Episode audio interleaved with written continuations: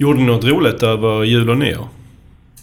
Eh, Jag har lagat en hel del eh, mat här i, eh, i jul. Jag har använt min sous vide-maskin som jag har. Vilket innebär egentligen att man lagar mat under vakuum. Så jag har testat alla möjliga recept där. Okej, vad har blivit godast? En ägg royal eh, som jag gjorde, eller ägg royal. Eh, Ja. Den var riktigt god. Mhm. Låter avancerat. Du då, Viktor? Jag var iväg en sväng med familjen och åkte skidor och då vart maten ganska enkel. Okej. Ja, Men skidåkningen var bra? skidåkningen var bra. Jag har själv varit iväg på en lite längre... Jag var borta i fyra veckor på Mauritius med familjen. Det var, det var väldigt skönt. Och eh, där lärde jag mig ett nytt ord på resan. När vi skulle... Vi köpte det lokala ölet där som vi tog hem till vårt hus och eh, det var, gillar jag. Så nästa gång jag skulle köpa det så fanns inte samma burk. Nej. Eh, men det var en som var liknande. Men, men det stod någonting på den som gjorde mig lite orolig. Så jag frågade i kassan, eh, är det här det vanliga ölet? Ja. Eh, Så sa hon ja, tittade på mig som jag var lite konstig. Att, att ja, men, ja, det är klart det. Eh, Så kände jag mig tvungen till att jag behövde fråga igen. För att förtydliga mig så sa jag, men det står ju så bananer på den. Alltså det är ingen bananöl eller sådär. Och då skrattade hon och förklarade att det betyder gott nytt år på kreol som de pratade på Mauritius, de flesta sa.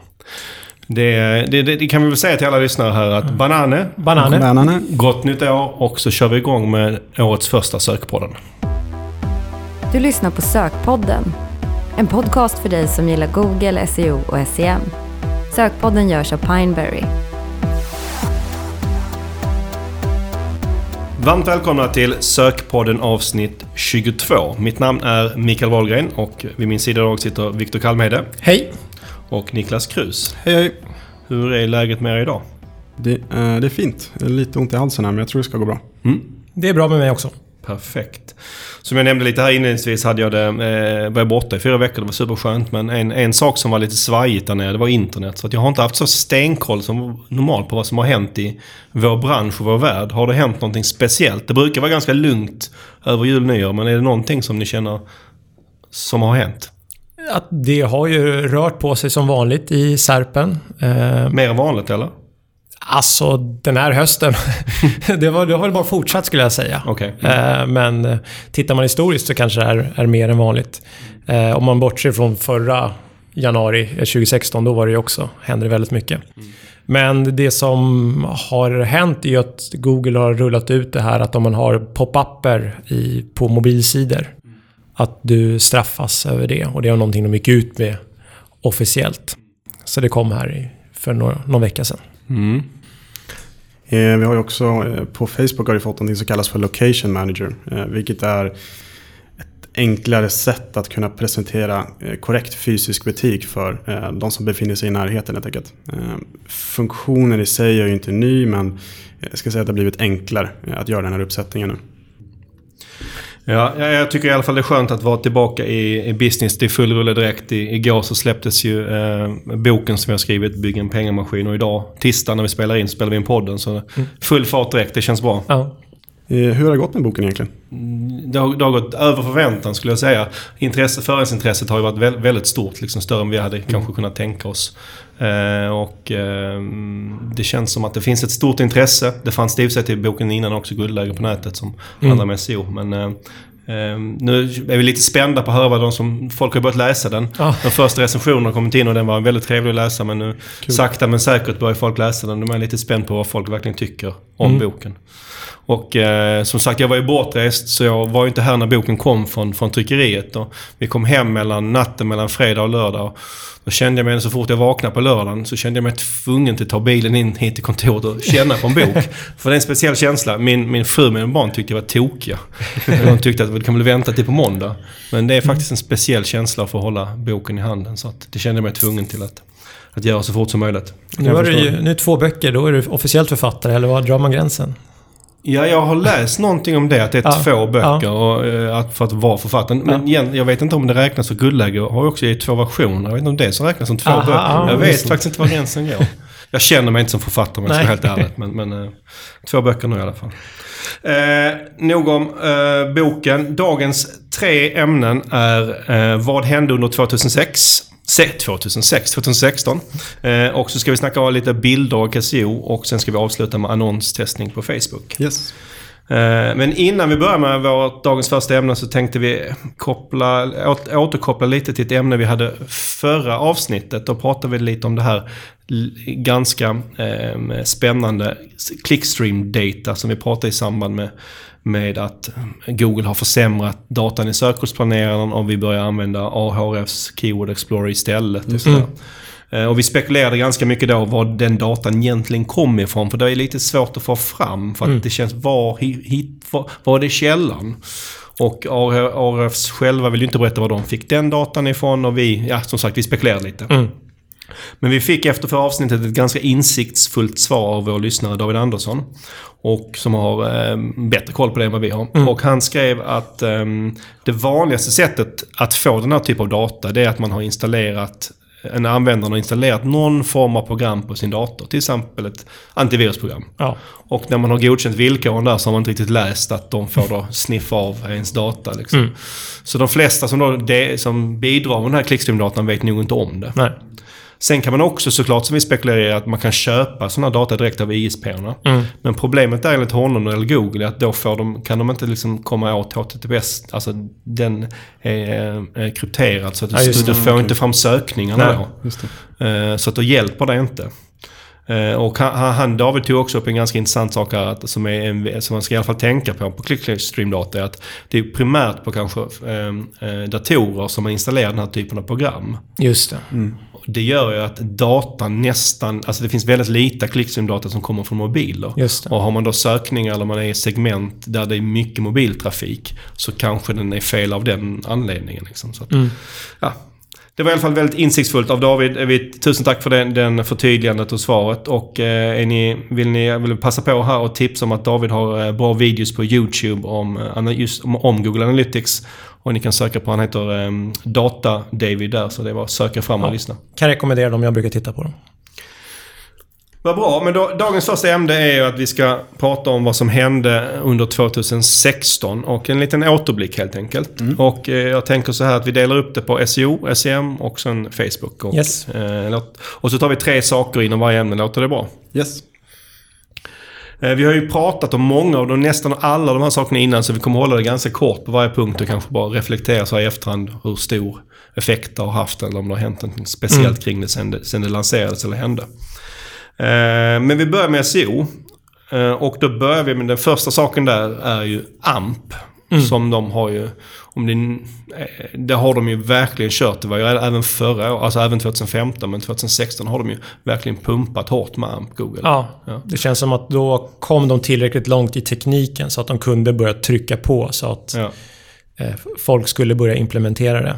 Li- Lite kort Viktor, vad, vad, vad är AMP och varför, vad är fördelarna med det om, det nu, om du tycker att det finns fördelar? Eh, ett, anledningen till att Google har tagit fram AMP det är ju för att förbättra hastigheten. Eh, för de, det är den mobila trenden, allting går mot mobilt och då är hastigheten A och O. Ehm, så då har man tagit fram den här eh, AMP-tekniken som är en specialversion av HTML, eh, JavaScript, alltså en egen standard. Så att man kan sätta upp separata sidor som är mycket snabbare. Mm. När jag googlar så upplevde jag att när det gäller engelska, engelska eller kanske främst, amerikanska sajter. Så är det ju väldigt mycket AMP-sidor helt plötsligt. Alltså jag ser väldigt många, så det kan vara vid vissa sökningar där jag upplever nästan hälften av, av alltså på de första tio är AMP. Ja, Men det är nästan inga svenska. nej. Det är, det är väl fortfarande bara, jag tror jag har bara sett Sveriges Radio. Det kanske finns några till. Och så några som har testat, jag vet Ja, precis. Eh, Små privata. där som har testat. Ja. Liksom. Men, men det varför, varför tror ni att det är en sån skillnad? Det, det känns som att penetrationen då är, är liksom mycket, mycket större i USA än det har blivit i Sverige. Eh, det skulle kunna vara att där har Google eh, gått mer på dem, så att säga, de här stora aktörerna Ja. och har ett mer direkt samarbete, men det gör man inte i Sverige. Eh, och sen kanske den tekniska mognaden där är större, så man ligger redan mycket längre i framkant. Här kanske man, i Sverige kanske man fortfarande stångas med att överhuvudtaget få till en bra mobilsida. Eh, så man inte kommit lika långt. Så då ligger AMP flera steg framåt. Eh, Man har väl generellt sett bättre eh, hastighet på internet här i Sverige än i USA också. Eh, Vilket jag kan tänka mig eh, påverkar att, eh, att, du inte, att du inte behöver jobba lika mycket för att få ner laddningstiderna. Nej. Kontra Ja, USA. precis. Mm. Det är sant. Eh, tror vi, om vi då ska avsluta AMP, tror vi att, de, att Google kommer att lyckas med AMP eller kommer det bli liksom ett nytt Google Plus som liksom bara försvinner ut i ingenting? Nej, men jag tycker de har... I Sverige så har vi inte sett av det, men Nej. som du säger, i USA så har de ju lyckats. Eh, Ja. Faktiskt. Där är det. Men sen får vi se om de lyckas fortsätta utveckla tekniken så att e-handlare kan hoppa på det här Ja. tåget och, och så vidare. Där har de ju ett test med Ebay om jag minns rätt. Ehm, så ja, vi får se. Ja, för det kan ju bli spännande om, om man om vi tittar ett år framåt i tiden. För, för, om man, eller rätt sagt, om vi börjar med att gå ett år tillbaka så såg man knappt några amerikanska sajter heller som hade det. Även om AMP fanns då. Så det kan ju vara om ett år från och med nu så är det liksom, ser vi samma liksom, utveckling på svenska sajter. Ja. Att fler och fler har tagit sig an det. Vad bra, men då lämnar vi AMP. Eh, och så går vi vidare till nästa grej under SEO. Och det är ju eh, den nya pingvinen som kom. Som vi kanske också ibland kallar realtidspingvinen. För, för det var ju enormt efterlängtat, eller hur? Ja, vi hade väl väntat i nästan två år på den här Pingvinen 4.0 och jag vet inte hur många gånger någon skrek, vad är det man skriker varg? Eller ropar varg. Men ropar pingvin då, men det, det var aldrig den. Men nu dök den ju upp. Eh, Så det var skönt. Och dessutom så ah, blev det ändå i realtid så att det kommer inte komma några stora pingvinuppdateringar på samma sätt längre. Utan den, den, den, sker, den sker ju hela tiden löpande. Pre precis. Och eh, det, då när den kom så var vi lite frågande till om om du satt fast tidigare, skulle du kunna komma loss eftersom den här är en ny version? Men det har vi sett fler exempel på att man har gjort. Ja. Att man har kunnat komma tillbaka. Så det är ju bra att folk som har gjort, eh, man har gjort arbetet som krävs för att komma loss i pingvinen får betalt för det till slut. Även om det tog väldigt lång tid. Jag pratade lite med vår eh, branschkollega Magnus Bråth igår om lite olika grejer. Då pr- pratade vi bland annat om pingvinen och eh, hans åsikt som jag håller med om är att den nya pingvinen är, är betydligt snällare och kanske för snäll. Jag vet inte om det kan vara för snäll men Ja. vad, vad, vad, vad tycker ni liksom? Eh, Jag tycker inte att den är eh, för snäll. Det jag kan eh, hålla eller det jag tycker är bra med den är att du inte straffar hela si- eh, sajter utan att du straffar enskilda sidor ännu mer. Eh, Det tycker jag är en jättebra uppdatering. Ja, eh, ja den, den känns mildare. Jag, jag kan Ja. hålla med en till del i det han säger. Ja, för det känns ju som det har kommit upp eh, sajter som då, den typen av sajter som försvann ett tag har Ja. ju kommit tillbaka. Liksom, och det kan man ju tycka vad man vill om, om Ja. de ska synas där eller inte. Det, är ett Liksom. det känns som att tagit ett litet steg tillbaka. Att vissa saker fungerar igen. Men det är också det här att folk håller ju på att testa nu också. Var går gränserna nu? Och så blev det ju naturligt också att om, om det, jag kan kanske tycka att det fanns fog för att göra den lite snällare och då kanske de har tagit ett steg eventuellt då. Ja. Vi får väl se för långt då. Eh, det är möjligt att de justerar den. För, för en, annan, en annan reflektion jag har kring den här är att jag tycker den är ett ganska bra exempel på hur, jag tycker i alla fall, hur algoritmen har utvecklats lite på slutet. Och när jag blev ombedd i en, en, en, en eh, undersökning i Semrush där, man, där de frågar ett gäng experter hur man tror på 2017, liksom ett bra tips inför 2017. Och man fick inte säga bra innehåll och länkar för det är så självklart. Eh, Så då, då valde jag det här att, att, berätta, att prata om att jag upplever att hela algoritmen har blivit mycket mer av realtid. Jämfört med innan. Att, att när gör- man gör någon förändring så går det mycket, mycket snabbare. Ja. Och det som, som du var inne på Viktor, konsekvensen av det är att det går att testa mycket mer. Vilket på ett sätt är ganska roligt. Ja, och, och samtidigt blir det saker och ting blir svårare också eftersom det sker saker hela tiden. Förut så var det mer att här, alltså ett visst datum, ett visst tillfälle, då är det lättare att dra slutsatser. Men eftersom det rör på sig hela tiden överallt så är det svårare att säga vad det är som påverkar. Eh, spännande. Eh, vi går över till sista grejen för eh, gällande SEO 2016. Och det är kanske den, den största saken på något sätt. i alla fall. Det känns som den största grejen Ja. i alla fall. Och, och det är ju att Google har eh, ändrat så att det är mobila versionen av en, en webbsida som är standard och inte desktop-versionen. Eh, och de gick ju ut med det, då var det i november, November, ja. precis. Eh, och att de eh, skulle börja, redan börja testa det där och då och sen rulla ut det ö- över tid. Och vi vill inte... Vi tror väl att vi har sett, sett, sett lite utav det. Ja. Men vi är inte säkra på det och vi, vi är väl inte liksom att det är färdigrullat. Det eh, tror vi inte. Det är i alla fall inget som Google har bekräftat, eller hur? Att det är Nej, nej precis. Och det vet vi inte heller om, om, om de kommer att göra. Men det är ju att helt enkelt att förut så bes, besökte Googles eh, spindlar de, eh, den desktop, först desktop-versionen eh, och eh, spindlade av den. Eh, och sekundärt om man hade en separat mobilversion. Men nu blir det tvärtom, att man går på mobilversionen. Eh, och har du då en responsiv sida, eh, ja, då är det ju samma eh, sida de, de kommer besöka. Men den sidan kan ju se eh, annorlunda ut, så att säga, den mobila versionen. Du kanske har tagit bort innehåll och så vidare. Eh, och då gäller det att ta tag i det. Och Google har själv sagt att de inte tror att detta kommer innebära en så stor förändring för sökresultaten. Men det, där, det, där tror vi ju lite annorlunda, eller hur? Utan att veta egentligen. Ja, men det, det känns som att det här kommer få en, en stor effekt. Eh, och just det här också, det det vi tror med hastigheten, att det kommer bara bli viktigare och viktigare. Eh, att det, och, det, och då är det, här blir en effekt av det också. Eh, vad bra. Då lämnar vi 2016 när det gäller SEO och eh, går raskt över till SEM istället. Och eh, den första grejen där som, som står ut under året det är ju att eh, man gick över till fyra toppannonser. Man tog bort annonserna till höger och så la man till en fjärde. Innan var det ju bara tre. Ehm, och det här går väl hand i hand med att, att hela tiden Google de senaste, eller de har gjort det kanske sedan start, men det känns som att de har accelererat de senaste åren. Att de sakta men säkert ger fördelar till annonser. Ja, Ja. Och det här påverkar ju såklart SEM ganska mycket, och, men det påverkar ju SEO nästan lika mycket. ja. Ja, för att, att, att det blir fördel, lite, en viss fördel för SEM och en, en, en, en nackdel för SEO.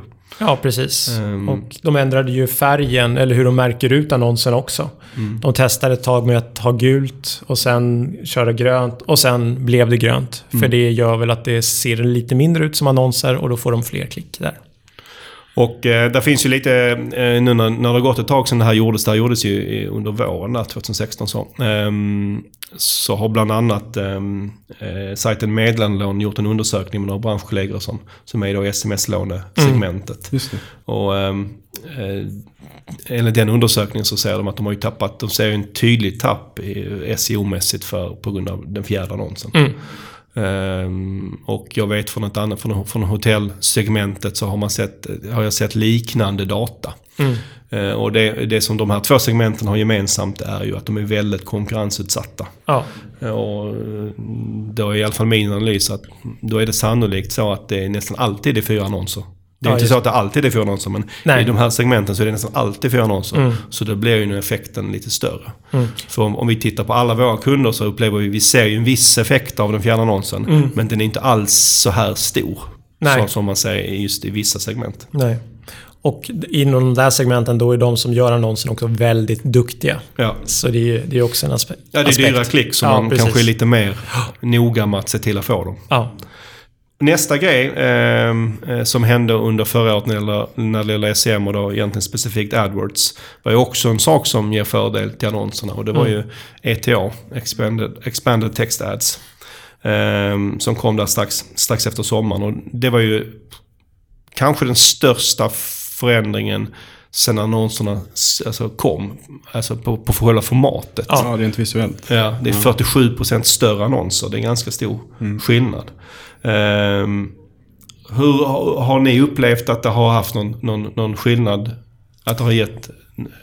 Har de här 47 procenten gett någonting? Eh, Ja och nej ska jag säga. Initialt så tyckte jag man såg, eh, ändå såg en stor skillnad. Mm. Eh, Men jag tycker med tiden att det har planats ut. Och vad det beror på är svårt att säga. Men jag kan tänka mig att fler har börjat skapa sådana här annonser. Så att du sticker inte ut på samma sätt. Mm.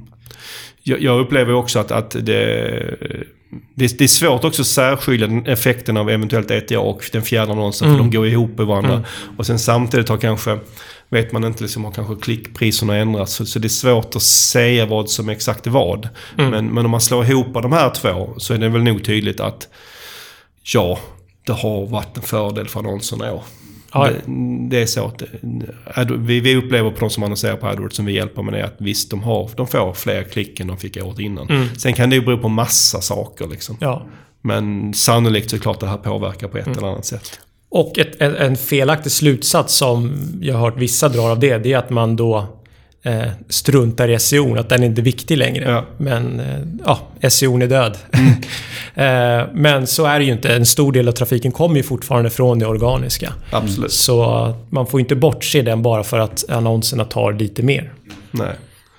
Jag tycker framförallt också med annonser att det har det har fått en bättre möjlighet att faktiskt skapa bra relevanta annonser. I de segmenten eh, där det kanske var längre termer tidigare Mm. så har du fått eh, möjlighet att beskriva produkten eller tjänsten på ett bättre sätt nu. Mm. Eh, Så det, det tycker jag är en stor fördel. Mm. Det, det kan jag kan uppleva med ETA är att, att ehm, eh, när jag är ute och föreläser så är det förhållandevis väldigt, alltså det är ganska många som inte har börjat att gå över till det här nu. Mm. Och så kanske folk som sköter sin annonsering själva. Och det, det, jag ser, det är en stor fara med det för att förr eller senare så kommer de ju klippa de gamla annonserna. Mm. Och jag tror inte att formatskillnaden i sig är, visst 47% det är mer utrymme och som du Niklas säger, man kan göra lite bättre annonser. Men den stora faran är att man står där när de klipper de gamla annonserna med etannonser som man inte har testat. Nej, Som liksom inte är optimerade, som man inte vet fungerar och levererar. nej. Så det är ju verkligen hög tid. För nu den 31 januari, om de inte har ändrat det igen. För de ändrat, har ändrat det en gång. Men eh, sist jag kollade så var det fortfarande 31 januari. Så då, då, kommer, eh, då kommer det inte gå att skapa eller ändra gamla annonser. De kommer fortfarande finnas kvar. Men de kommer, och sen har de inte sagt någonting om när de försvinner. Och eh, de har egentligen inte sagt att de ska försvinna. Men det är ju min, min... Jag är ganska säker på att på ett eller annat sätt kommer de försvinna. Eh, tips där till alla som kommer, eh, kommer sätta sig och börja skapa ETA-annonser nu är att du i eh, AdWords Editor faktiskt kan exportera ut dina gamla annonser i det nya formatet. Eh, så det går relativt snabbt att, att uppgradera dig till de nya annonserna. Vad bra. Eh, sista grejen under, som vi tänkte ta upp under SEM året 2016. Eh, det är de här försämringarna som har gjorts i sökordsplaneraren. Och det handlar om att dels att, att inte visas eh, data på samma sätt längre. Framförallt om du inte är eh, annonsör hos AdWords. Och det, det som kanske är ännu värre är att de slår ihop sökord. Så man vet inte riktigt. Alltså Nej, de precis. blandar data. Ja. Och om de två första punkterna här var ganska tydliga. att Jag förstår vad Google gör. De vill ge fördelar till annonserna, de vill tjäna mer pengar. Ja. I get it. Jag förstår. Även om man, om man är med SEO så kan man tycka att det är lite frustrerande. Men jag förstår ändå att Google gör det. Jag hade nog gjort exakt likadant. Ja. Men den här förstår jag inte. Kan ni förstå varför de vill försämra?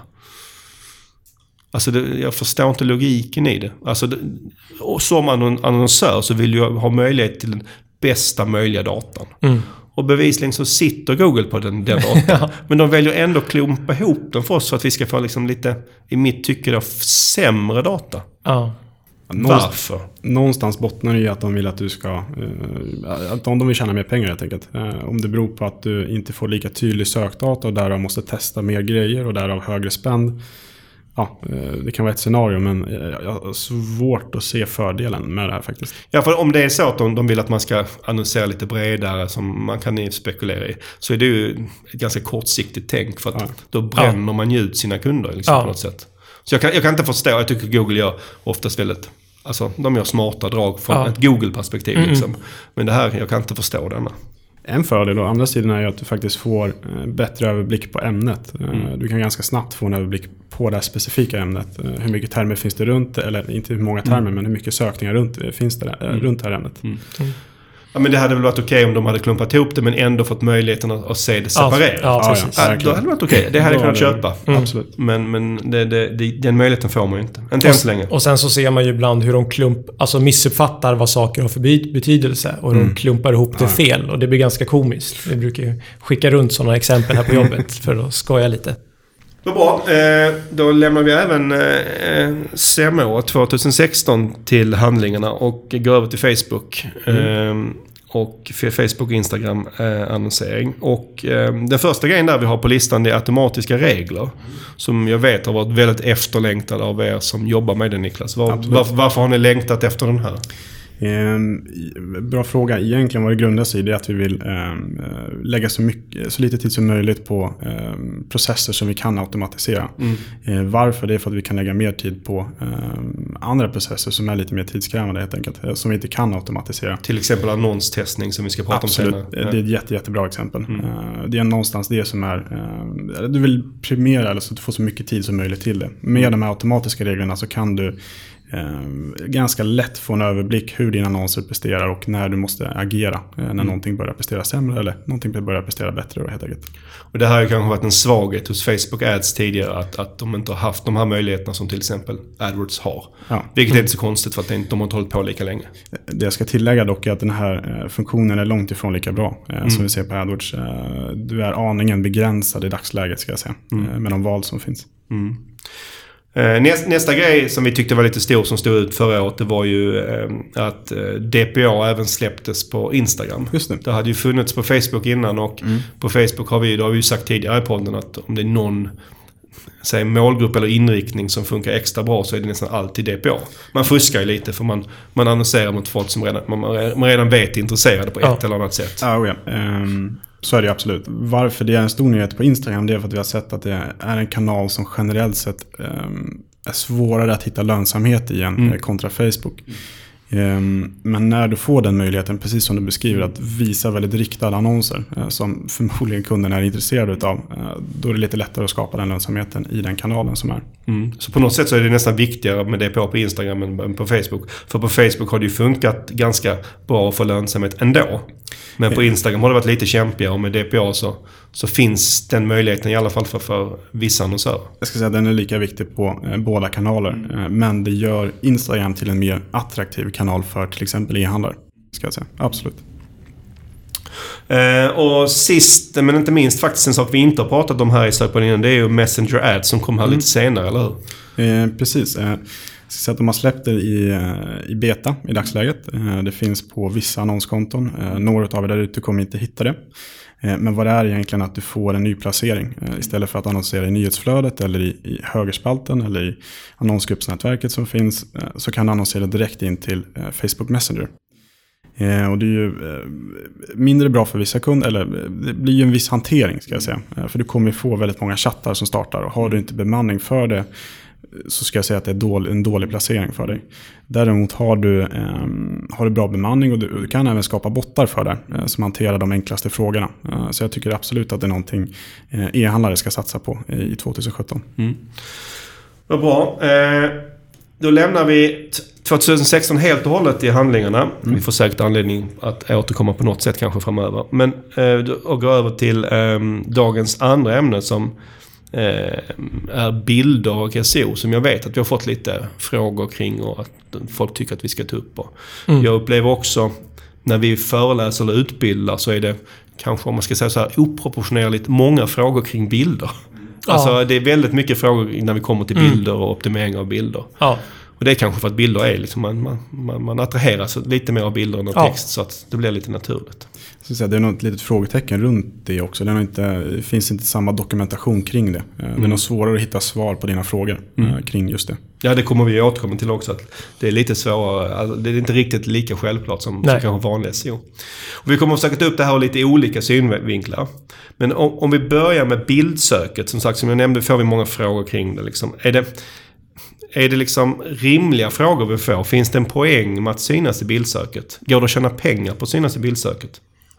Eh, ja, det beror ju på hur ditt bildsök ser ut. Jag, jag, alltså, jag skulle inte prioritera bilder som nummer mm. ett, utan mm. det ligger ju längre ner på, eh, på listan. Mm. Men om bilder, framförallt om bilder dyker upp i den, det vanliga sökresultatet, mm. då kan det ge väldigt mycket trafik. Mm. Och den trafiken kan också konvertera beroende på vad det är för typ av sökning och vilka produkter det är. Men vi har eh, kunder som har varit väldigt ja, lönsamma på grund av att de har synts med, med, bilder. med bilder. För det är, det är ju ganska lätt att få mycket trafik från bildsöket. Ja. Men det, är, det svåra är dock att konvertera det till några pengar på något sätt. Ja, precis. Utan det ska ju vara någon, någon form av produktsökning har det varit i de här fallen. Mm. Då, då, då, då den här produkten dyker upp. Och eh, det, är ingen, vad ska man säga, det är ingen större investering att just köpa den, den typen Nej. av produkt. Ja, för det är lite svårare att styra, att göra det tydligt vad det är liksom man erbjuder med bilden. Jag, ja. jag har ett bra exempel med min, min, min pappa som... Hans företag heter Kvickrik och de hyr ut möbler och tält med tillbehör i Göteborg. Mm. Och eh, ett, för det, var, det här var ganska många år sedan, men då, då märkte vi att det kom jättemycket mer trafik. Jag kunde inte riktigt förstå var den kom ifrån. Mm. Men efter lite luskat lite, det här var in, började närma sig sig eh, jul, det var november tror jag, november, december. Ehm, och då, till slut kom vi fram till att det berodde på att eh, det var ju väldigt många som sökte på ljusslingor. Mm. Som skulle köpa det till sina balkonger och sådär. Och då hade han en bild på en ljusslinga. Och skillnaden på hans bild med alla andras bilder var att han hade färgglada kulor. Så den stod ut. Ja. Och många vill nog ha färgglada. Det var Ja. ganska snyggt liksom. Och det, det var en väldigt bra produkt. Problemet för honom att han sålde ju inte sådana. Nej. Han hyrde bara ut dem. Ja. Så att han fick ju jättemycket trafik men det gick ju inte att konvertera den för det var Nej. ingen som var intresserad av att hyra en slinga. Nej, nej. Så det gäller ju verkligen att hitta, alltså det är lite svårare kanske att hitta den här konverteringen. Ja. Men om, om man Absolut. lyckas med det så finns det ju välja volymer. Ja, och det är också när, ofta när eh, bilder dyker upp i det normala sökresultatet så är det en sökning där intentionen är mer av inspiration. Inte att jag ska köpa.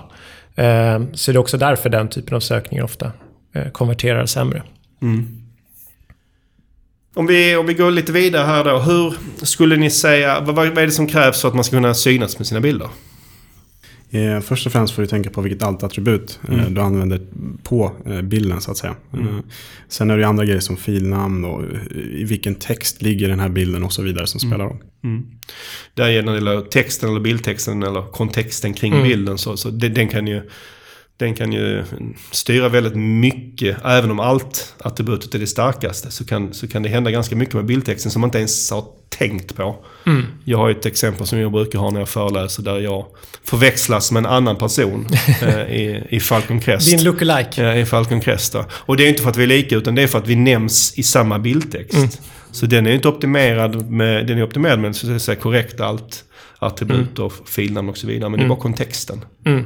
Så att kontexten är ganska viktig för att få bilder också. Ja, verkligen. Och någonting med, eh, sen sitemap spelar också en viss roll. Det är saker man kan hjälpa till i alla fall. Precis, det finns ju en, en speciell sitemap som man kan ha för bilder. Eller att du kan tagga upp dina bilder i din vanliga sitemap för att underlätta eller för visa upp för Google att det är de här bilderna jag vill ha indexerade.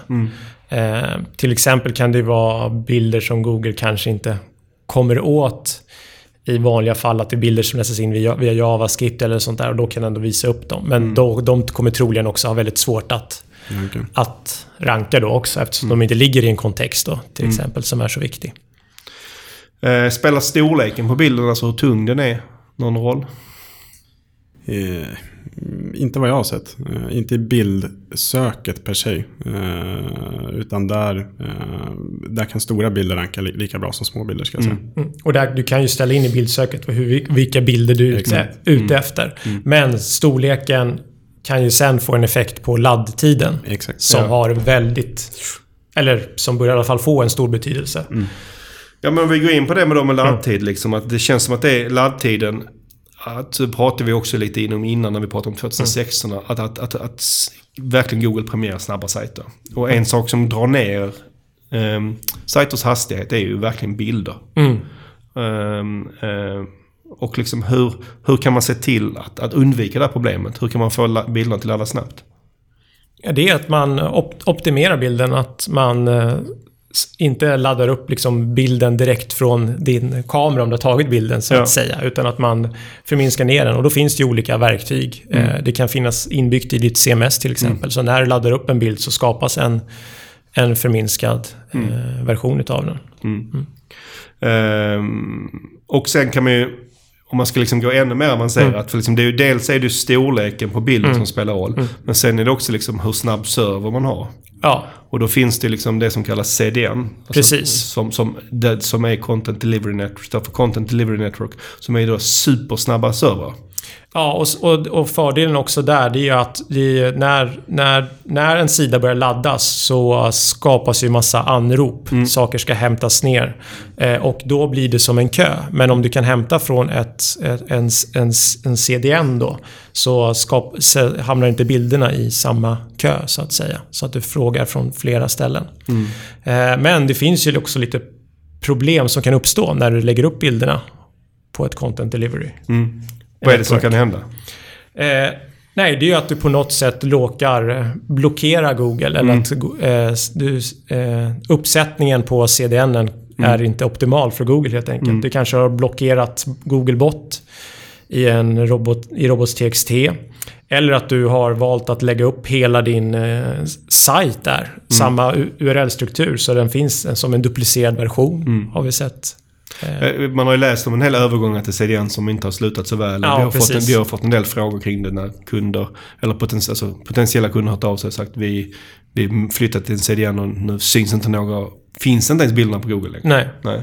Så det är lätt att vandra fel där. Ja, det gäller att hålla, hålla tungan Rätt i munnen rätt, rätt i munnen. Ja, precis. Ja, det är lite som, alltså jag brukar ta det när man pratar om att ha separata mobilsajter. Det är Mm. också, i teorin så är det inga problem och det Nej, funkar jättebra. Ja, Ja. Men det är väldigt lätt att göra fel och det är lite Ja. samma sak här också. Mm. Eh, och det man kan göra för att säkra upp det här, det är ju att du lägger till din CDN, eh, om du har den till exempel på en, en, en subdomän. Mm. Eh, att du lägger till den i Search Console. Mm. Så då får du se eh, där hur, hur Google ser på den, om Mm. den kommer åt. Eh, och kör du också då en sitemap så kan du också gå in på sitemappen i Search Console och se hur många av bilderna som indexerats. Mm. Och se, då identifiera något problem. Man kan även kolla på loggfilerna eh, till CDN eh, och se där hur, hur kommer Googlebot in, kommer den åt allting, vad får den för svar och så vidare.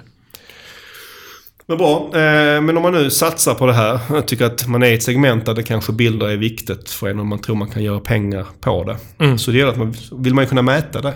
Mm. Hur, hur mäter man bildsöket? Går det ens?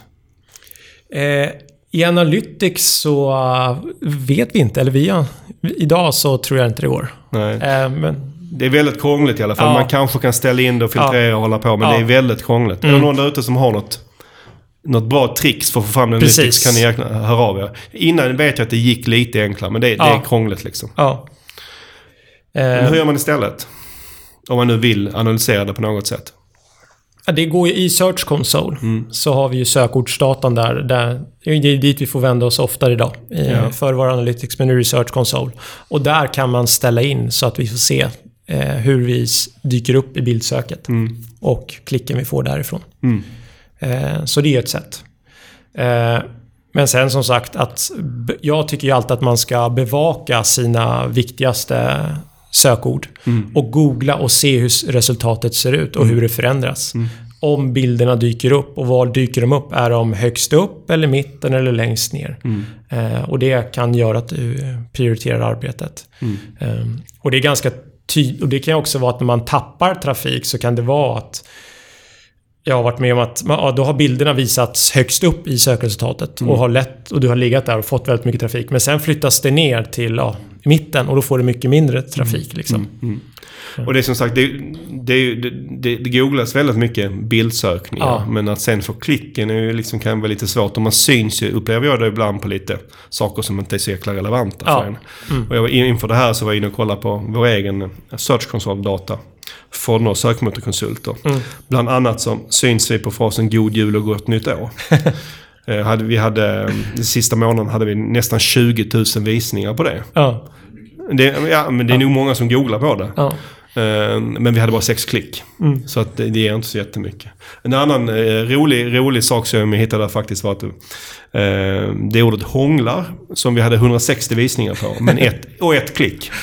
Och den personen som klickade där kan inte varit så, eh, tror jag inte varit så nöjd med resultatet. För den, den, den gick, går till en, en, eh, blogg, en ganska gammal bloggpost som Magnus Brott har skrivit på Sökmotorns konsult som gäller att hur, de här hur man-sökningarna ökar. Mm. Och då var rubriken där hur man hånglar till exempel. Så, Mm. så att det är lätt att synas på ganska många sökningar men återigen så kan det vara svårt att hitta de som man sen kan tjäna pengar på. Ja. Eh, och en, en annan sak, om man tittar just på bildsöksresultatet i Google. Mm. Så där syns ju betydligt fler resultat på en gång. Det är ju Mm. inte bara 10 och sen får du klicka vidare. Utan du ser ju väldigt många eftersom de förminskar ner bilderna. Så det gör ju att du kan... Alltså att du behöver inte ranka lika bra i bildsöket för att få eh, mycket ja, klick eller mycket visningar. Eh, om din bild sticker ut, eh, så att säga. Okej, men jag tänkte att vi ska avsluta det här med en liten uppmaning. Och det är att, att ni, jag tycker alla ni som lyssnar, ni ska gå in och googla snyggast i Stockholm. Eh, för där pågår, jag vet inte, kan, jag vet inte kan man säga Viktor, kan man, är, det någon, är det en battle? Det kanske ingen battle. Men det är, någon, det där är, där är några som försöker ranka på det ordet. Ja, precis. Och eh, av en slump så eh, är båda kollegor till oss. Den ena är en före detta kollega. Ja, Och den andra är en kollega som kanske är med här i podden idag. Det kan vara Kan så. vara så, vi nämner inga namn. Nej. Så, så googla på det så får ni se vad, som, vad, ni, vad ni hittar. Vad bra. Det var två ämnen avklarade. Tredje ämnet är annonstestning på eh, Facebook. Och eh, som vi nämnde tidigare så är det en av sakerna som man vill lägga mycket tid på. Exakt. Ehm, och att vi tycker att Facebook är fantastiskt i många fall. Det finns, alltså, man, kan, man når ut väldigt bra till rätt personer. Men för att lyckas gäller det att testa både material och att målgrupper fungerar, eller hur? Ja, så är det. Eh, Jag ska säga att det, det absolut viktigaste är ju någonstans att du hittar din core-målgrupp. Att du faktiskt visar eller exponerar dig till rätt människor. Eh, Men sen också givetvis att du har ett bra material som är tilltalande och faktiskt kommer driva trafik. Eller klick helt enkelt. Och vi tänkte då eh, ta oss an det här med annonstestning utifrån fyra, eh, äh, fyra, fyra frågor. Liksom. Varför man ska göra det, när man ska göra det, vad man ska göra, testa och hur man ska göra det. Men vi börjar med, med varför. Varför måste man testa annonserna? Eh, Den största anledningen är ju att eh, vi kan ha en ganska bra känsla för vad som kommer prestera bättre. Mm. Eh, men jag ska säga att sanningen är, håller inte alltid med. Eh, det, händer rätt, det, förekommer rätt ofta att sämre annonser enligt oss presterar bättre. Eh, och den enkla anledningen så ska man testa vad som presterar bäst. Ja, jag brukar säga att även om man då har jobbat med det här länge, och det, gäller, det är samma sak i AdWords, att, så, så har man ju en känsla för att den här annonsen borde fungera. Men det är förvånansvärt ofta man har fel. Ja. Faktiskt. Så man måste testa. Och det är ofta också liksom, kanske inte den estetiskt snyggaste annonsen som funkar bra. Ehm, och, ehm, så att man måste testa sig fram. Jag har ett, när jag föreläser har jag ett exempel på en bokannons som vi har kört. Eh, där egentligen, det som skiljer den är, är egentligen mest att det är två lite olika färger på den. Och jag ställer frågan, jag, måste, jag ska erkänna, jag ställer frågan på ett sätt så att jag får lite fram ett svar. men, men, men jag kan fråga tusen, alltså över tusen personer. Och eh, vilken av de här två annonserna som de tror presterar bäst. Och det är kanske två eller tre som har valt den som presterar bäst. Nästan alla andra tror på den andra annonsen. Och det är fel då. Det är den annonsen som ingen tror på, den är, har 200% bättre CTR. Och det är också ett ganska bra tecken på att det får man inte reda på om man inte testar. Nej. Och jag vet att du har ett annat exempel eh, nu med en kund där vi testar bara färgen på knappen, eller hur? Exakt, det är allt vi testar. Mm. Själva färgen på, eh, på knappen som eh, finns representerad i bilden. Då. I det fallet så ser det faktiskt en skillnad på drygt 350% i, i CTR. eh, Och ungefär 100% lägre klick, eller förlåt, eh, klickpris som är hälften utav eh, Ja. den andra. eh, Om man då jämför, jag vet att vi testar lite olika färger. Om man jämför den sämsta färgen med den bästa färgen så får man den här stora skillnaden. Exakt. Och det är liksom verkligen bara färgen på knappen. Ja. Eh, så det finns alla anledningar att göra annonstestning. Och när ska man testa annons? Alltid. Mm. Det, ja, det finns ett undantag och det är väl egentligen om du kör kortsiktiga kampanjer som kanske sträcker sig över en helg eller en eller två eh, dagar då max. Då, då handlar det lite mer om att du inte får in tillräckligt mycket data för att Nej. kunna testa då helt enkelt. För det är väl det som kanske är ett vanligt mm, kalla det misstag eller sak man gör när man testar. Att man inte ger det tillräckligt mycket tid. Exakt. För, för det tar ju ändå ett tag innan man får någon form av statistisk, hyfsad statistisk signifikans. Så är det ju. Eh, längre, ju mer data du får in, ju mer, eh, ju bättre beslut kan du ta Ja. såklart. Så kör man någon, någon kampanj över en helg så är det inte... Då får man gå mer på magkänsla. Det tycker jag. Ja. Ja, eller de erfarenheter man dragit av Givetvis. tidigare Ja, absolut. annonser så har man oftast hyfsad koll vilken färg på knappen vi är ska det. köra. Eh, Så är det. Det. Det är ju jä- jätteviktigt, jag ska säga det, det gäller ju även när du postar organiskt på Facebook. Att ta med dig de lärdomarna du ser från det köpta. Eh, Vad är det som fungerar bäst? Vilken färg på knappen är det som fungerar bäst? Och så vidare. Okej, nästa grej man bör, då bör fråga sig här med annonstestning är vad det är man ska testa. Det finns ju hur mycket som helst att testa. Eh, om vi ska försöka bryta ner i, i två huvudpunkter så skulle jag säga först och främst att det är målgruppen. Eh, och då kan det vara allt ifrån intressen, ålder, kön. Eh, så man ska testa olika kombinationer. när du har det på plats, när du har hittat din core-målgrupp, då tycker jag att du ska lyfta blicken och kolla mer på materialet. Vilken mm. bild är det som fungerar bäst? Olika texter i, i och runt den här bilden ska jag säga. Mm. Det är jätteviktigt att testa. Då menar du både titeln och, och det är och själva texten i posten? Och, Precis, posttexten, titeln och beskrivningen ska mm. jag säga. Men sen själva texten i bilden också. Det är rätt vanligt att man har det. Ja. Och det finns ju liksom... Eh, egentligen hundratals olika saker man kan testa. Men en, en, om jag, en sak som jag upplever är att om man försöker testa för många grejer mm. så är det risken att man kommer heller inte fram till något riktigt svar. Mm. Utan de här vi tog upp är kanske de viktigaste. Det är kanske där man i alla fall ska börja. Mm. Alltså har man testat dem så har man kommit ganska långt. För Annars blir det ju liksom väldigt, väldigt avancerat testträd om man ska testa allt för många detaljer. Och du måste ha en jättestor budget för att kunna testa den eh, stora. Eh, eller när du bryter upp det på det sättet. För att kunna få in tillräckligt mycket data så måste du ha en rätt bra budget. Ska jag säga. Ja. Och då kommer vi osökt in på den sista grejen. Hur gör man det här på ett praktiskt sätt? Hur, hur gör man i kontot för att det ska fungera? För att man får till ett sånt här test? Mm. Hur sätter man upp det? Först och främst så är ju strukturen A och O eh, mm. här. Eh, vilket mycket är eh, när du annonserar på Facebook. Men du vill ju på något sätt skapa en struktur som är dels lättskött men sen också att du lyckas testa de här olika grupperna. Till exempel ålder, kön och intressen. Då. Mm. Dela upp det på olika adsets i samma kampanj. I de här adsetsen sen så fyller du på med samma annonser. Mm testar olika annonser där, ja, då kommer du inte få, eh, du kommer inte få ut så mycket bra data eh, på dem helt enkelt. Men då, då menar du, du menar egentligen inte att man ska bara ha en annons, utan man kan ha kanske tre annonser som man testar, men det ska vara samma tre annonser till alla målgrupper? Exakt. Ja. Hur, hur länge måste man köra det här? Vi var inne på det. Hur länge måste man köra ett test för att man ska kunna dra några slutsatser? Det är en jättebra fråga. Det är lite eh, som att svara på hur långt är ett snöre. Men... Hur långt är snöret? bra, bra, jättebra fråga. I det här fallet? Eh, jag ska säga att minimum på 10 000 visningar. Ja. Eh, egentligen 100 klick. Men räkna lätt då att du har en ganska låg CTR per procent. Så ungefär 10 000 visningar skulle jag säga. För det, det är en viss, kan jag tycka, fara om man sätter målet utifrån klick. För har man då någon som, klick, alltså som, ble, mm. som är väldigt dålig, Exakt. då får man aldrig sina Nej. klick. Liksom. Precis. Eh, så att det är därför du ska kolla på båda parametrarna. Ja. Eh, så är det väldigt snabbt att en annons har sjukt bra CTR. Eh, då ska du givetvis allokera budgeten så snabbt som möjligt till mm. den annonsen.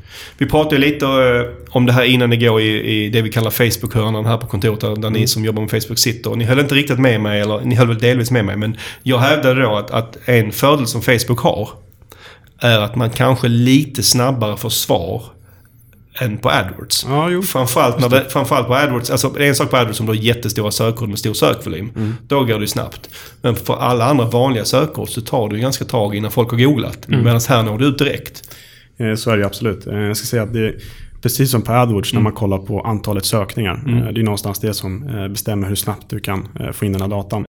På samma sätt är det på Facebook hur stor målgrupp, hur stor mm. är din core-målgrupp? Och mm. det kommer också definiera hur, mm. hur snabbt du kommer få ut eller kan ta det här beslutet.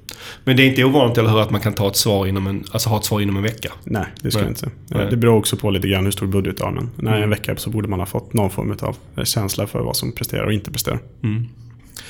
Vad bra. Eh, innan vi lämnar det med annonstestning så vill vi, jag vill passa på att tipsa om en artikel som, eh, som djupdyker ännu mer i det här om man vill gräva ner sig mm. ännu mer. Som Ad Espresso skriv, har skrivit på sin blogg. Den är, även om det är ett och ett halvt år gammal knappt, så, så är den fortfarande väldigt aktuell tycker vi. Mm. Eh, vi kommer länka till den i bloggen, så gå gärna in och läs om ni vill fördjupa er ännu mer.